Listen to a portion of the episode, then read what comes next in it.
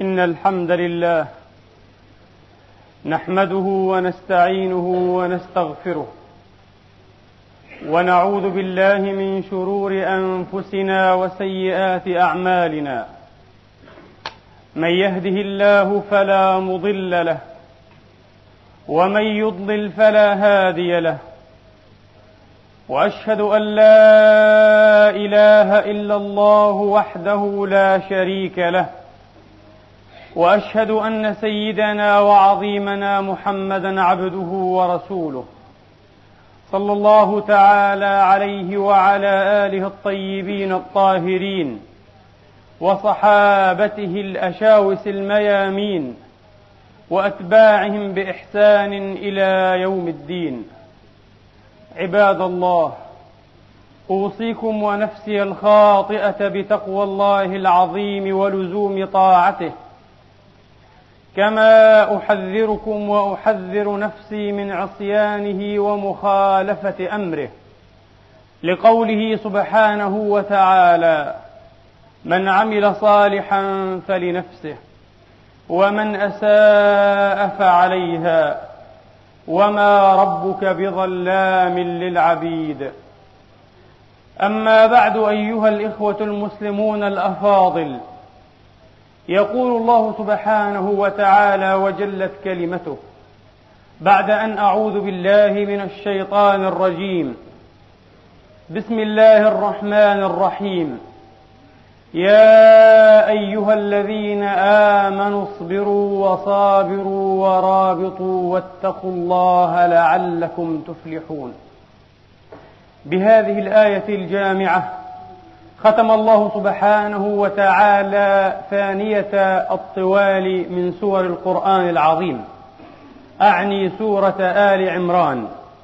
هذه السورة التي تدور في مجملها وفي معظمها على قضيتين ثنتين أو مسألتين رئيستين.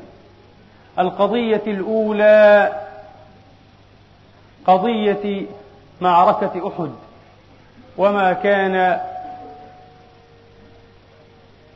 يمت إليها بسبب والقضية الثانية قضية أهل الكتاب ومحاورتهم ومجادلتهم.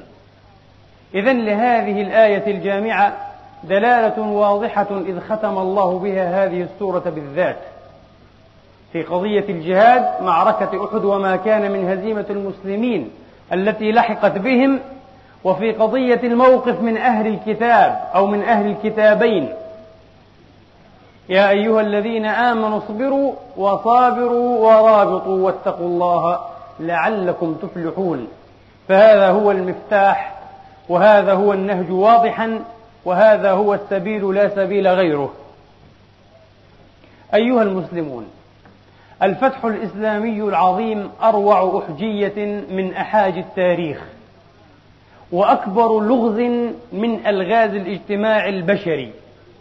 حار في تبريره وفي تفسيره أعاظم المؤرخين. وتاه في تبيانه أكابر المحللين حتى ضربوا في بيداء التخبط والعماية. وإذا الفتى أحرجت الحقائق صدره وإذا الفتى أحرجت الحقائق صدره ألقى مقالده إلى التمويه. فأجلبوا وجلبوا وخبطوا في بيداء العماية. ومما أجلبوا به من تفسيرات وتبريرات ما يمت إلى القومية والوطنية بسبب وأكثره يمت إلى العامل الاقتصادي وفقر المجاهدين الأولين بسبب متين وما إلى ذلكم وعلى كل حال وبكل سبيل فهذه الأسباب جميعا تتوفر لجميع الأمم ولجميع القوميات ولكثير من الشعوب إبان فقرها وعوزها وضعفها. فلماذا لم تتكرر معجزة الفتح الإسلامي غير مرة؟ لماذا ظلت معجزة فريدة من نوعها؟ لم يحدث قبلها مثلها؟ وما أحسب أنه يحدث بعدها مثلها أبدا. يقول المؤرخ الكبير ويل ديوران في كتابه قصة الحضارة. توفي جستنيان سيد الإمبراطورية الرومانية العظيمة عام 565 وبعد وفاته بخمس سنين ولد محمد عليه الصلاة وأفضل السلام نبي العرب. هكذا يقول ديوران ولد محمد بعد وفاة جستنيان بخمس سنين أو بخمسة أعوام ولم يكن أحد يعلم وأن له أن يعلم أنه بعد مئة سنة بعد قرن واحد فقط من ميلاد هذا الصبي الذي ولد في جزيرة ثلاثة أرباعها صحراء قاحلة. ولو جمعت ثروات أهلها جميعا ما كفت لإنشاء كنيسة آيا صوفيا. حسبها هذا الرجل المؤرخ الفذ الكبير المستوعب. أمة فقيرة وقليلة وخفيفة الوزن في الصراع العالمي آنذاك أو في تلكم الحقبة من الزمن. لم يكن أحد يعلم أنه بعد أقل من قرن أو بعد قرن من الزمان سيعب عباب نهر هذه الأمة حتى تضرب بأسيافها وبجحافلها وحتى تحتاز نصف ممالك المملكة أو الدولة البيزنطية في آسيا وجميع بلدان المغرب ومصر وشمالي أفريقيا. ثم بعد ذلك تدلف وتتحرك إلى أسبانيا إلى الأندلس في قرن واحد من الزمان. ثم قال الرجل حقا إن هذا المخاض العظيم الذي تمخضت عنه جزيرة العرب الذي تمخضت عنه جزيرة العرب وأتبعه نشر دينها ورفعة لوائها لهو أكبر مظهر من مظاهر الاجتماع في القرون الوسطى. وكذب الرجل وإن صدق في بعض ما قال أحرجه وآده أن يقول أكبر سر وأكبر معجزة لا في تاريخ القرون الوسطى بل في التاريخ على طوله وعرضه. فأين مثل الفتح الإسلامي؟ أبدا لم يشهد التاريخ له مثيلا. ثم إنه إلى تسارعه وامتداده الوسيع واندياحه في المكان في أقل فترة من الزمان فتح أبدي باستثناء الأندلس. لم يعرف عن أمة أو شعب من الشعوب فتحها سيف الإسلام أو مصحف الإسلام عادت إلى الكفر مرة أخرى باستثناء الأندلس وهو استثناء فريد معروفة ملابساته وظروفه حتى أن السير توماس أرون صاحب الدعوة إلى الإسلام هو الذي قال إن الإسلام هو الدين الوحيد الذي لم يعرف فيه مرتدون. طبعا هو يعني الردة بشكل جماعي أو بشكل أممي. وإلا فهو عالم وعارف بحروب الردة في صدر الإسلام التي قادها الصديق وفرسانه من أصحاب رسول الله رضي الله تعالى عنهم وأرضاهم أجمعين. فما هو سر هذه الفتوح أيها الإخوة المسلمون؟ السر لدينا في كلمة واحدة العقيدة والإيمان. في كلمة واحدة العقيدة والإيمان. عندما أقرأ بطولات بعض أبطالنا البارخين الماجدين أقول هذه شجاعة تبعث على الدهش وتوجب الإكبار والتجلة. ثم سألت نفسي عما قريب هذا السؤال. حين تأملت كتاب ربي سبحانه وتعالى فلم أجد فيه كلمة الشجاعة ولا أمرا ولا تحفيزا على الشجاعة أن نكون أصحاب شجاعة. لم أجد. بل لم أجد مادة شجع في كتاب الله البتة غير موجودة. مادة شجع غير موجودة في كتاب الله إطلاقا. العرب رأس مكارمهم ودرة مفاخرهم الشجاعة الفروسية قبل الكرم وقبل المروءة وقبل كل شيء. هي أم هذه الفضائل لدى العربي الجاهلي. إذا لماذا لم يؤكد عليها القرآن العظيم؟ لماذا لم يذكرها في موضع واحد؟ وبدأ لي الجواب هينا ميسورا.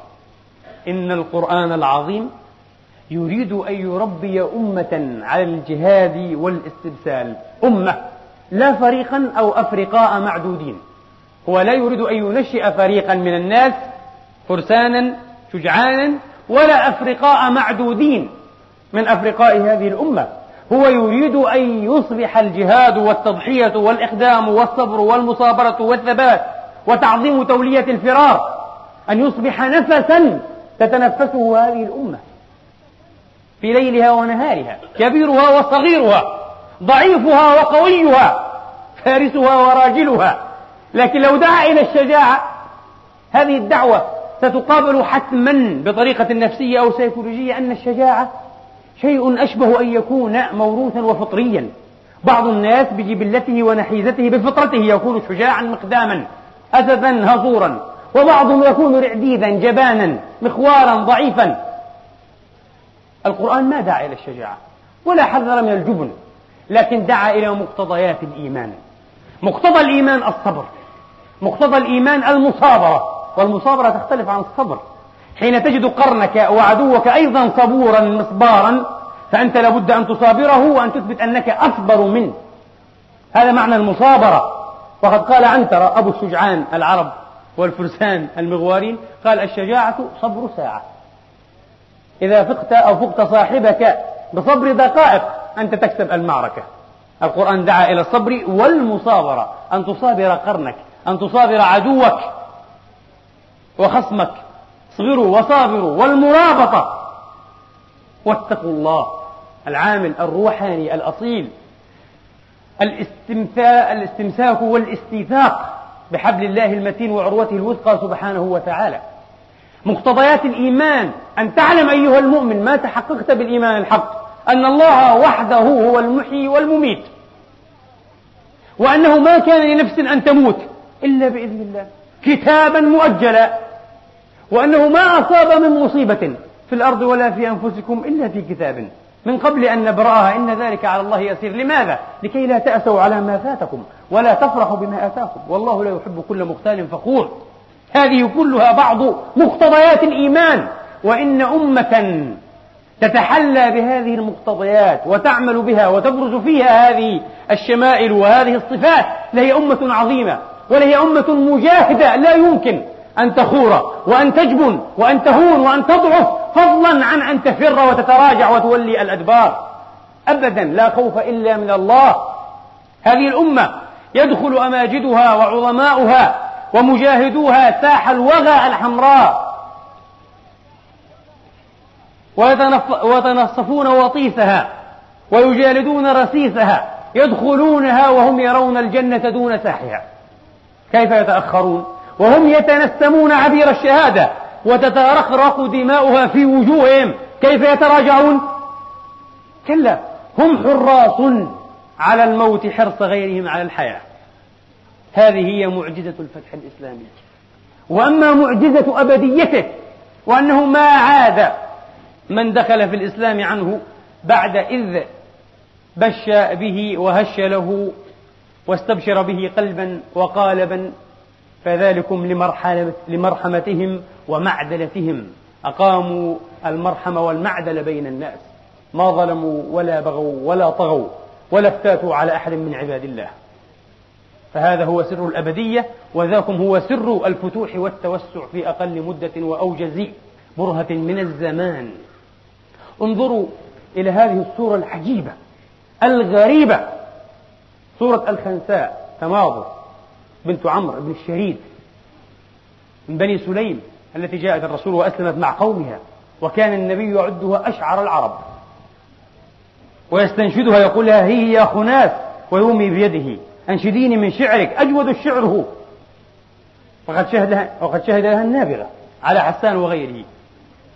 حين جاءه عدي بن حاتم الطائي أسلم في قصة إسلامه المعروفة الأثيرة قال له يا رسول الله فينا أشعر العرب وأجود العرب أو أسخى العرب وأفرس من الفراسة وليس من الفراسة من الفراسة الفروسية وأفرس العرب. قال النبي فسمهم لي. قال أشعر العرب امرؤ القيس وهو منا وأسخى العرب حاتم ابن سعد يعني أباه الطائية. حاتم ابن سعد. وأفرس العرب عمرو ابن معدي كرب. قال النبي ليس كما قلت. هذا كلام غير صحيح. أشعر العرب الخنساء. النبي شهد لها. أشعر العرب الخنساء. وأجود العرب محمد بن عبد الله. أنا. وليس أباك. أنا أجود العرب بلا شك. النبي بعض الكفار أسلم لما رآه كما قال وبتعبيره يعطي عطاء من لا يخشى الفقر. أعطى أحدهم في يوم واحد ماشية ملأت ما بين جبلين شعبا بين جبلين. آلاف الرؤوس. أعطاه الله مرة واحدة. قال خذها. قال يا قوم لقد جئتم من عندي رجل أسلموا. تغنموا. يعطي عطاء من لا يخشى الفقر. رجل عجيب وغريب في كرمه وجوده. قال أجود العرب محمد بن عبد الله وأفرس العرب علي بن أبي طالب. عليه السلام ورضي الله عنه وأرضاه. ما أفرس من علي. ولا حتى خالد. أفرس العرب هو لكن أحرب العرب وأعرفهم بالحرب واستراتيجياتها بتعبيره هو خالد بلا شك. لكن أفرسهم وأثبتهم جنانا وأربطهم جأشا وأقواهم ضربا وكرا. هو الإمام علي عليه السلام. ورضي الله حتى قيل الفرسان ثلاثة فارس وثلاثة أرباع فارس ونصف فارس. طبعا دون ذلك لا يعد في الفرسان. آه. فالإمام علي كان فارسا كاملا. وقيل عنتر كان ثلاثة أرباع فارس. لكن علي كان فارسا كاملا. ما نقصت فروسيته شيء رضي الله عنه وأرضاه. الخنساء هذه في جاهليته انظروا إلى هذه الصورة. عندما قتل ولم يمت ميتة ربه عندما قتل أعز وآثر إخوانها لديها وكان أخا لها من أبيها صخر بكته بكاء لا مزيد عليه. حتى كادت تزهق نفسها وتخرج. وفي ذلك قالت وهو بعض قولها كما تعلمون فلولا كثرة الباكين حولي على قتلاهم أو إخوانهم لقتلت نفسي. تريد أن تنتحر. عزب عنها عقلها وجن جنونها لقتل أخيها. أسلمت. لما باشر الإسلام قلبها وتشبعت به روحها وامتلأ به كيانها وتحققت به صارت امرأة غير الخنساء الأولى. خلقها الله خلقا جديدا وهم في لبس من خلق جديد. لذا ما عرفوا سر الفتوح لأنهم في لبس من خلق جديد. هذا خلق جديد. امرأة غير المرأة الأولى بشر غير البشر الأولين. شهدت القادسية رضي الله تعالى عنها وأرضاها أيام الفاروق عمر وسعد جمعت أبنائها رجالا أربعة أشداء ممتلئين أسباطا. جمعتهم أمامها وخطبتهم هذه الخطبة العصماء التي سجلها التاريخ ووعاها في حافظته وما كان له أن ينساها. قالت لهم أي بني إنكم أسلمتم طائعين وهاجرتم مختارين. ووالله الذي لا إله غيره إنكم لبنو رجل واحد كما أنكم بنو امرأة واحدة. ما خنت أباكم فسرت. ما خنت أباكم ولا فضحت خالكم ولا هجنت حسبكم ولا غبرت نسبكم. ولا غبرت نسبكم أي وضعته في التراب في الغبراء. وقد تعلمون ما أعد الله للمسلمين. في قتال أعدائه الكافرين. واعلموا أن الدار الباقية خير من الدار الفانية. والله تبارك وتعالى يقول يا أيها الذين آمنوا اصبروا وصابروا ورابطوا. واتقوا الله لعلكم تفلحون. بالله عليكم شيء يقف له شعر البدن. أهذه أم حملت بأبنائها بفلذات من كبدها تقول لهم هذا القيل؟ تدعوهم إلى أن يموتوا؟ إلى أن ينتهوا من هذه الحياة؟ لكن رغبة في حياة باقية. بهذا انتصروا وبهذا أسسوا للإسلام مجدا واقتعدوا المجد وارتقوا كاهل التاريخ والأمم بمثل هذا الإيمان الراسخ ومقتضياته العجيبة.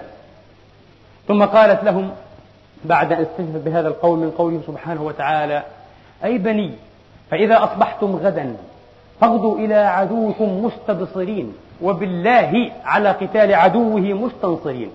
فإذا رأيتم الحرب قد شمرت عن ساقها واضطرمت لظا على سياق في سياقها وجللت نارا على أرواقها فتيمموا وضيسها وجالدوا رئيسها أو رسيسها. عند احتدام خميسها تظفروا بالغنم والكرامة في دار الخلد والمقامة إن شاء الله تعالى. فانطلق أربعتهم رضي الله تعالى عنهم وعن أمهم الخنساء. فانطلقوا أربعتهم يتسابقون الهيجة أو إلى الهيجة. يتواردون مورد الردى يرتجزون كلاما يؤكدون به وفاة أمهم لا أذكره لطوله.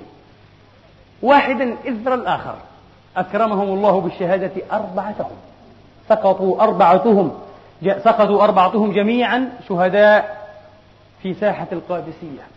لما جاء الخبر وأين الأخ من الإبن؟ هؤلاء أبناء أفلاذ قطع من القلب والروح والكبد. لما جاء الخبر ما زادت على أن قالت الحمد لله الذي شرفني بقتلهم جميعا وإني لأدعو ربي سبحانه أن يجمعني بهم في مستقر رحمته.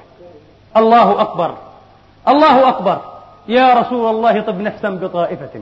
باعوا إلى الله أرواحا وأبدانا. قادوا السفينة فما ضلوا ولا وقفوا وكيف لا؟ وقد اتخذوك ربانا. دفعوا ضريبتهم للدين من دمهم. والناس تزعم نصر الدين مجانا. دفعوا ضريبتهم صبرا على محن. صاغت بلالا وعمارا وسلمانا. الله يعرفهم أنصار دعوته. والناس تعرفهم في الخير أعوانا. والليل يعرفهم عباد هجعته. والحرب تعرفهم في الروع فرسانا. لم يعرفوا الدين. لم يعرفوا الدين محرابا ومسبحة. أو صلاة وتسبيحا أو صلاة ومسبحة وإنما أشربوا الدين محرابا وميدانا. هكذا كانت أجيال المسلمين الأولى الذين أعلوا راية هذا الدين العظيم وجعلوا هامته في العالمين مرفوعة مكرمة وضيئة متألقة. في معركة اليرموك وانظروا إلى العجب. هذا عجب يا إخوان. ما سمع بمثله قط في معركة اليرموك. يقول خالد سيف الله رضي الله تعالى عنه وعن إخواني من, من الصحابة الكرماء جيش المسلمين الذي لا يربو على أربعين ألفا. ليجابه به جيش الصليب جيش الصليبيين الذين اجتمعوا وتألبوا واندفقوا من جميع بلدان الصليب. من روسيا إلى فرنسا مرورا بروما. يقودها ماهان لعنة الله تعالى عليه. يغوصون تقول كتب التاريخ في الدروع والزرد فإذا ما تحركوا كأنهم جبال من حديد. كم كان عددهم؟ يربو على المليون. على ألف ألف. مدرعين مزردين. مليون. ويتقدمهم ستون ألفا. من نصارى العرب يقودهم الشقي المرتد جبل ابن الأيهم. وقصصنا عليكم مرة قصة ردته. تنصرت الأشراف من عار لطمة إلى آخره. إذا مليون أكثر من مليون وفي مقدمتهم ستون ألفا من نصارى العرب يقودهم جبلا. وتجتمع قيادة الموحدين قيادة جيش التوحيد في معسكرهم. ويستمع خالد رضي الله تعالى عن خالد. يستمع إلى مختلف الآراء. إلى هذا وإلى هذا وإلى ذاك وإلى ذلك. ثم بعد ذلك يسأله أخوه أبو عبيدة أمين هذه الأمة القوي الأمين كما لقبه رسول الله. يا خالد ما هو رأيك؟ على ما عزمت يا خالد؟ قال عزمت على أن أنازل جيش جبلة ستين ألفا بثلاثين من فرسان المسلمين. يا هل العار والمهانة يا للمجد والبذاخة. عار ومهانة على أولئكم ومجد وبذاخة للمسلمين. ستين ألفا ينازل ستين ألفا بثلاثين أبو عبيدة يعرف طبيعة خالد وعقليته. وافقه لكن اشترط أن يزيد في العدد ثلاثين آخرين ليرتقي العدد إلى ستين. نوع من العدل أن يصبح إزاء كل ألف واحد من المسلمين. القرآن أمرهم حين شدد عليهم بالعزيمة الأولى واحد لقاء كم وإزاء كم؟ عشرة. لا واحد إزاء ألف. ودارت رحى المعركة الحامية الحمراء دارت يوما بطوله أسفرت عن نصر مظفر لعباد الله الموحدين. استشهد منهم إلى رحمة الله وكرمته خمسة عشر مسلما وأسر خمسة وقتل من أعداء الله ورسوله ودينه خمسة آلاف. بستين ستين فارسا يا أحبابي. ثم دارت المعركة بعد ذلك. المليون جاء المليون. أربعون ألفا. لقاء مليون. لقاء ألف ألف. وأسفرت أيضا هذه المعارك الطاحنة المروعة الراعبة الرهيبة عن نصر جيوش التوحيد. التي يقودها ماهان. جبال من حديد تتحرك. مليون. انتصر عليهم أربعون ألفا. معجزة.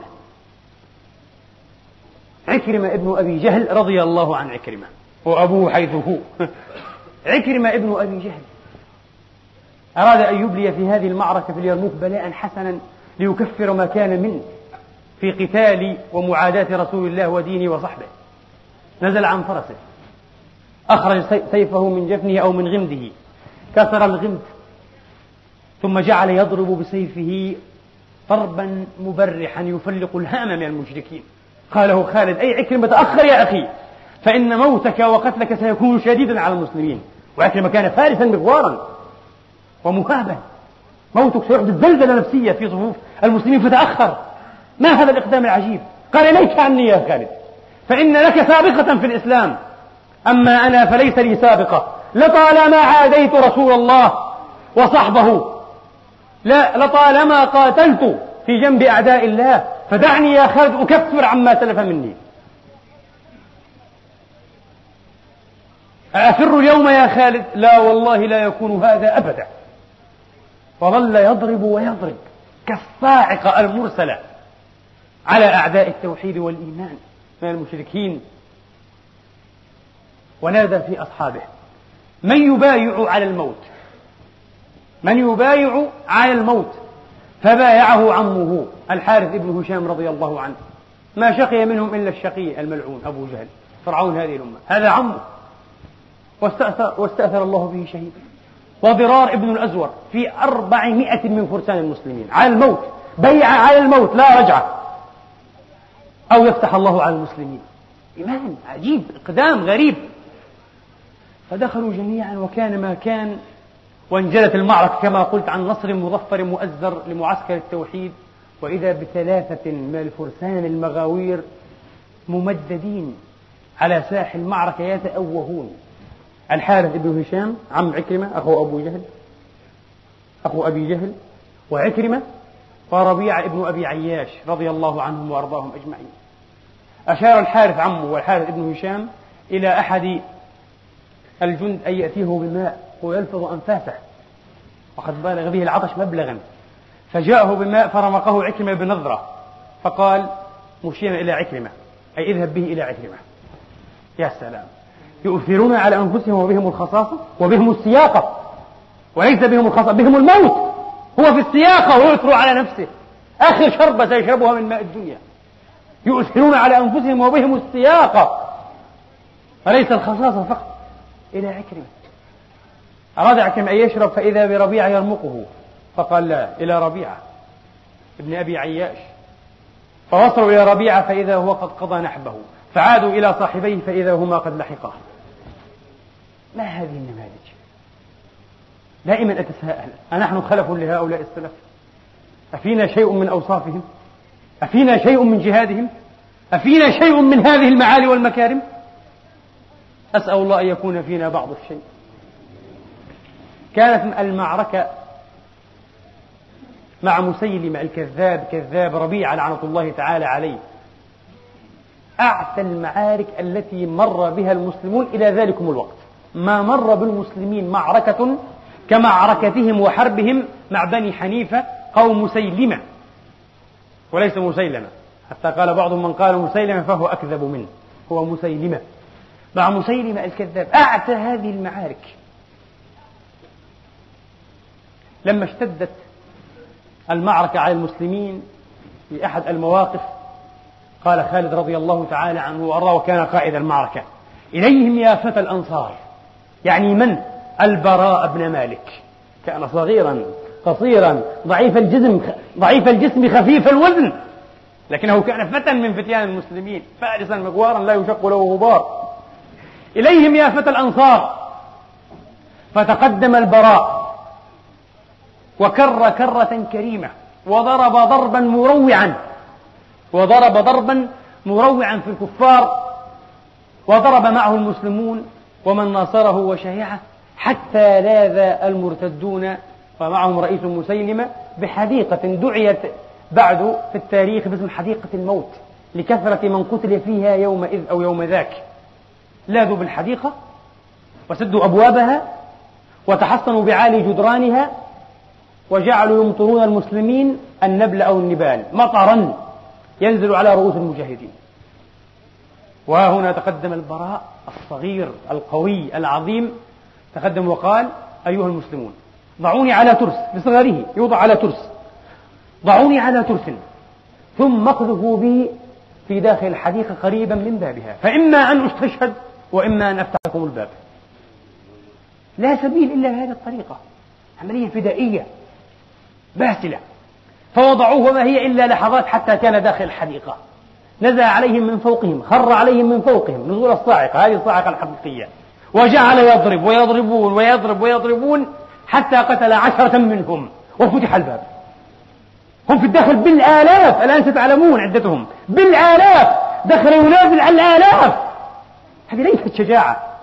هذا هو الإيمان متجسدا في شكل بشر. هذا هو اليقين يقاتل ويتقدم. فتح الباب.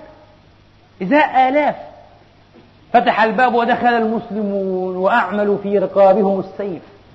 وقتل منهم يومئذ عشرون ألفا. إذا أكثر من عشرين ألفا في الحديقة. المقتول منهم لعنة الله تعالى عليهم عشرون ألفا. وقتل كذابهم الأكبر الأشهر أو الأشر مسيلمة الكذاب كذاب ربيعة. وجيء بالبراء فإذا به بضع وثمانون جراحة. ما بين رمية سهم وضربة سيف وطعنة رمح. بضع وثمانون جراحة. البعض ما بين الثلاثة إلى التسعة. بضع وثمانون جراحة. وشفاه الله. وما لقي الشهادة إلا في تستر. معركة تستر. ولهذا قصة أخرى. إقدام غريب. جيوش المسلمين بقيادة عقبة بن نافع الفهري القرشي. ولم تصح له صحبة رضي الله عنه وأرضاه. مع أنها كان يمكن أن تصح لكن لم تصح له صحبة. عقبة بن نافع تعرفون منشئ القيروان؟ قصة إنشاء القيروان عجيبة. تدل على الإيمان إلى جانب الفروسية الإيمان الذي يفسر الفروسية والإقدام. كانت القيروان هذه قبلا غيضة لا يرام مكانها لمكان السباع والدواب والمؤذيات فيها. لا يستطيع أحد أن يدخلها. غيضة أجمة أشجار ملتفة كلها سباع وثعابين وأفاعي وعقارب وكائنات متوحشة. جاء عقبة وقف على رأس الوادي وقال مخاطبا الدواب يا أهل هذا الوادي إنا نازلون فاضعنوا نحن جند الرحمن. نحن حملة التوحيد. نحن عباد الله. نريد أن ننزل ننشئ مدينة لنا هنا. فاضعنوا واخرجوا ثلاث مرات. يقول الرواية وهذا مشهور في التاريخ. فوالله ما من حجر إلا انقلب وخرجت من تحته دابة. كل عقارب وأفاعي وحيات. حتى أن السباع خرجت تحمل أولادها. غادروا جميعا هذا الوادي وهذه الأجمة. وهبطوا إلى بطن الوادي. وأنشئت القيروان. أي كرامة هذه؟ ليس فقط الفروسية والشجاعة والإيمان والكرامات والتأييد المباشر من السماء إلى الأرض. حبل موصول. يكفي فقط جذبه وهزه تستجيب السماء. حبل ممدود بين السماء والأرض. عقب هذا كانت قصة استشهاده عام 63 عام 63 لهجرة المصطفى قصة غريبة. قاتل في السوس وأظفره الله وفي طريق عودته خرج له جيش من البربر والبربر عتاة وقساء ومغاوير حرب. خرجوا وكانت عدتهم مئة ألف. وعقبة ومن معه ثلاثة آلاف لم يفروا ثلاثة آلاف تصدوا لمئة ألف. واستشهدوا جميعا عن, عن بكرتهم. واستشهد عقبة. وماذا كانت النتيجة؟ هزم الإسلام والتوحيد؟ كلا. أعجب البربر أيما إعجاب بهذا الاستبسال. بهذه التضحية بهذا الإقدام وسألوا عن سره فإذا هو الإسلام فدخلوا جميعا في دين الله أفواجا. بعد أن انتصروا دخلوا في الإسلام أفواجا. أمة تقاتل هذا القتال بدافع عقيدة هذه العقيدة لابد أن تكون عقيدة الحق والصدق. فأسلم البربر وهذه قصة إسلامهم. أسلموا جميعا عن آخرهم يا أحبابي. إذن هو سر الإيمان سر اليقين ولا شيء غير الإيمان. ليس إلا الإيمان والله. فهل عدنا؟ وهل نعود إلى هذا الإيمان والتحقق به مرة أخرى؟ هل نربي عليه أنفسنا؟ هل نربي أولادنا وبناتنا؟ هل نستمد من هذا المعين الذي لا ينضب؟ حتى نعود ملتحقين بخير أمة أخرجت للناس. أسأل الله عز وجل أن يعيننا على بعض ذلك. إنه ولي ذلك والقادر عليه. أقول قولي هذا وأستغفر الله لي ولكم. والعاقبة للمتقين ولا عدوان إلا على الظالمين. وأشهد أن لا إله إلا الله وحده لا شريك له. الملك الحق المبين. وأشهد أن سيدنا محمدا عبده ورسوله الصادق الوعد الأمين صلى الله تعالى عليه وعلى آله وأصحابه الطيبين وأتباعه بإحسان إلى يوم الدين. يا أيها الذين آمنوا اصبروا وصابروا ورابطوا واتقوا الله لعلكم تفلحون. صبر في كل المواطن ومصابره إزاء جميع الشدائد الشدائد والمكاره. أيها الإخوة أحببت أن أختم بهذه القصة وذكرتها مرة من على هذا المنبر قصة غريبة أيضا. تحكي لنا شيئا من فعل الإيمان وأثر الإيمان. في السنة التاسعة للهجرة وجه الفاروق عمر جيشا للقاء الروم.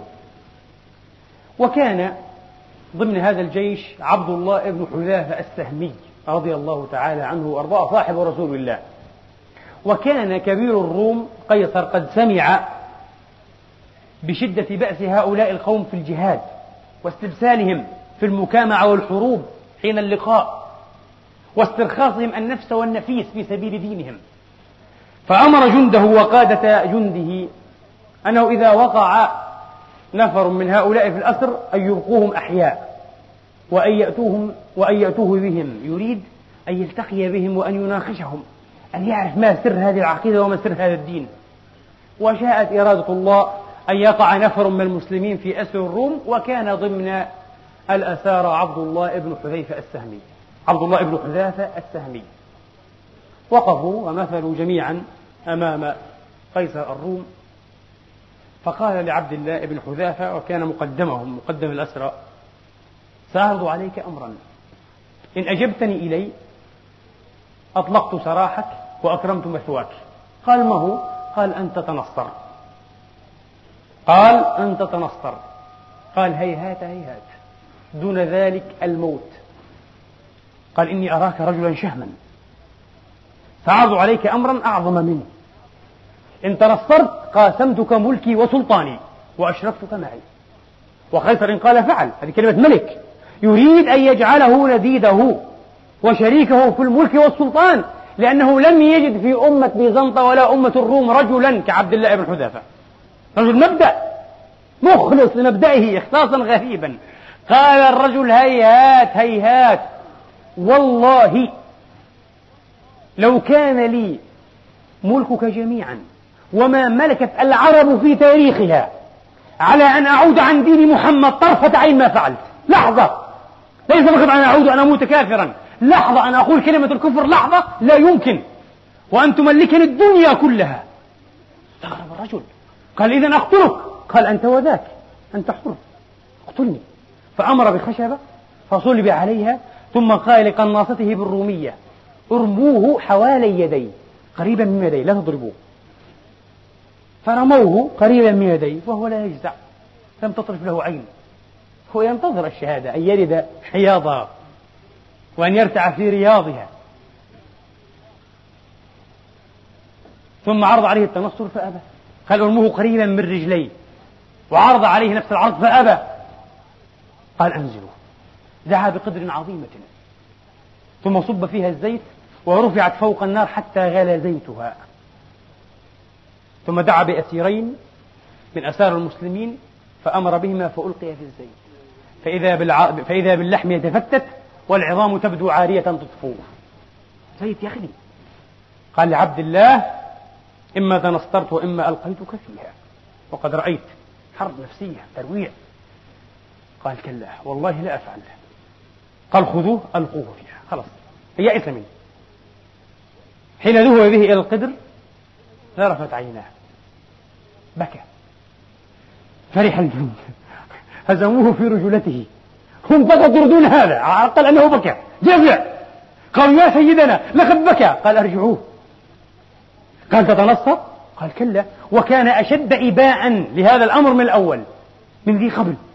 قال ويحك إذا لماذا بكيت؟ قال أتحسبني بكيت جزعا؟ لا والله ثم لا والله. إنما بكيت لأنني قلت في نفسي الآن يا عبد الله تلقى في هذه القدر فتموت تقتل شهيدا. فوددت والله أن لي بعدد ما في بدني من شعر أنفس. يعني كم شعرة فيه؟ نفترض مثلا 260 ألف شعرة. أن لي 260 ألف نفس. فتلقى كلها في هذه القدر نفسا إثر نفس لتذهب شهيدة في سبيل الله. لكن ليس لي إلا نفس واحدة. صعق قيصر. هذا الرجل يتمنى أن يموت مئات الآلاف من المرات في سبيل الله. قال صلى الله عليه وسلم والله لقد صدقوا محمد وصدقوا ما جاء به وكانوا مصاديق لما جاء به. فيما أخرجه مسلم في صحيحه إنه لا يدخل أحد الجنة ثم يود أن يعود إلى الدنيا. ثم يود أن يعود إلى الدنيا وله ما فيها إلا الشهيد. الذي يدخل الجنة لا يحب أن يعود إلى الدنيا إلا الشهيد. فإنه يود أن يعود إلى الدنيا فيقتل في سبيل الله عشر مرات لما رأى من الكرامة عند الله. فأين رآها عبد الله هو ما رآها. لكنه أيقن بها كأن قد رآها لأن النبي قد بلغه ذلك انتهى والقرآن يتلو ذلك على مسمعه انتهى هي الكرامة. هو يود أن يعيش وأن يموت في الدنيا. آلاف المرار. ليلقى الله شهيدا. صعق الرجل. وما أحرى بشيء. ثم قال له إن قبلت رأسي أطلقت سراحك خلاص لا يريد أن لا يريد أن يقتله. ظن به على الموت والله يا إخوان. والله العظيم هذا القيصر لعنة الله عليه أكرم من كثير من حكامنا وجلادنا. الذين يقتلون أبناءنا ومجاهدين شر تقتيل حين يروا من كبريائهم وأنفتهم وحميتهم يحقدون عليهم أشد الحقد فيمزقونهم إربا إربا. والله يا إخواني وسأحكيها هنا وعار أن أحكيها. لقد عفى اليهود الجيش الإسرائيلي غير مرة عن بعض شبابنا لما رأوا من بسالتهم وجهادهم. قالوا اتركوه ذات مرة في رفح أحد الشباب المجاهدين من المسلمين. أخذه الجيش وكان قد يعني فعل الأفاعيل. أخذوه وأجلسوه فيما يسمى بالجيب هذا جيب الجيش. وكان عظيم الجسم رائبة الجأش وقوي القلب وكان من أبطال كمال الأجسام معروف. فلما جلس في الجيب قال ببابه هكذا فإذا به يخلعه. باب الجيب الحديد. وقال باثنين من الجنود هكذا فإذا به يصرعهما وخرج يعدو. فأرادوا إطلاق النار قال ضبط لا لا تقتلوه. خسارة أن يموت هذا الرجل. طلقوه. خسارة. ظن به على الموت. لماذا لا يفعل جبناء العرب مثل هذه الأفاعيل؟ مثل هذه الأفعال. بل يفعلون الأفاعيل. هذا هو جندي إسرائيلي وهذا هو قيصر الروم. أكرم من هؤلاء الجلادين. وأشهم منهم. قال لا. لا, لا أريد أن يقتل. لكن أرأيت إن قبلت رأسي؟ أطلقت سراحك. قال لا. حتى تطلق سراح جميع الأسرى المسلمين. قال إني فاعل قام قبل رأسه لا لأجل نفسه بل لأجل إخوانه لئلا يلقوا في هذا الزيت المغلي. الحار. حين قدم على المسلمين كان عمر يقبل رأسه ويقول وأنا أقبل رأس عبد الله بن حذافة. يمازحه أصحابه يقول له يا عبد الله قبلت رأس العلج؟ لكن عمر أكرمه وقبل هو رأسه رضي الله تعالى عنهم وأرضاهم اللهم اغفر لنا ما قدمنا وما أخرنا. وما أسررنا وما أعلنا وما أسرفنا. أعنا على ذكرك وشكرك وحسن عبادتك. اللهم أمتنا شهداء في سبيلك وفي سبيل نصرة دينك يا رب العالمين. اللهم روي بدمائنا شجرة الخلافة الإسلام.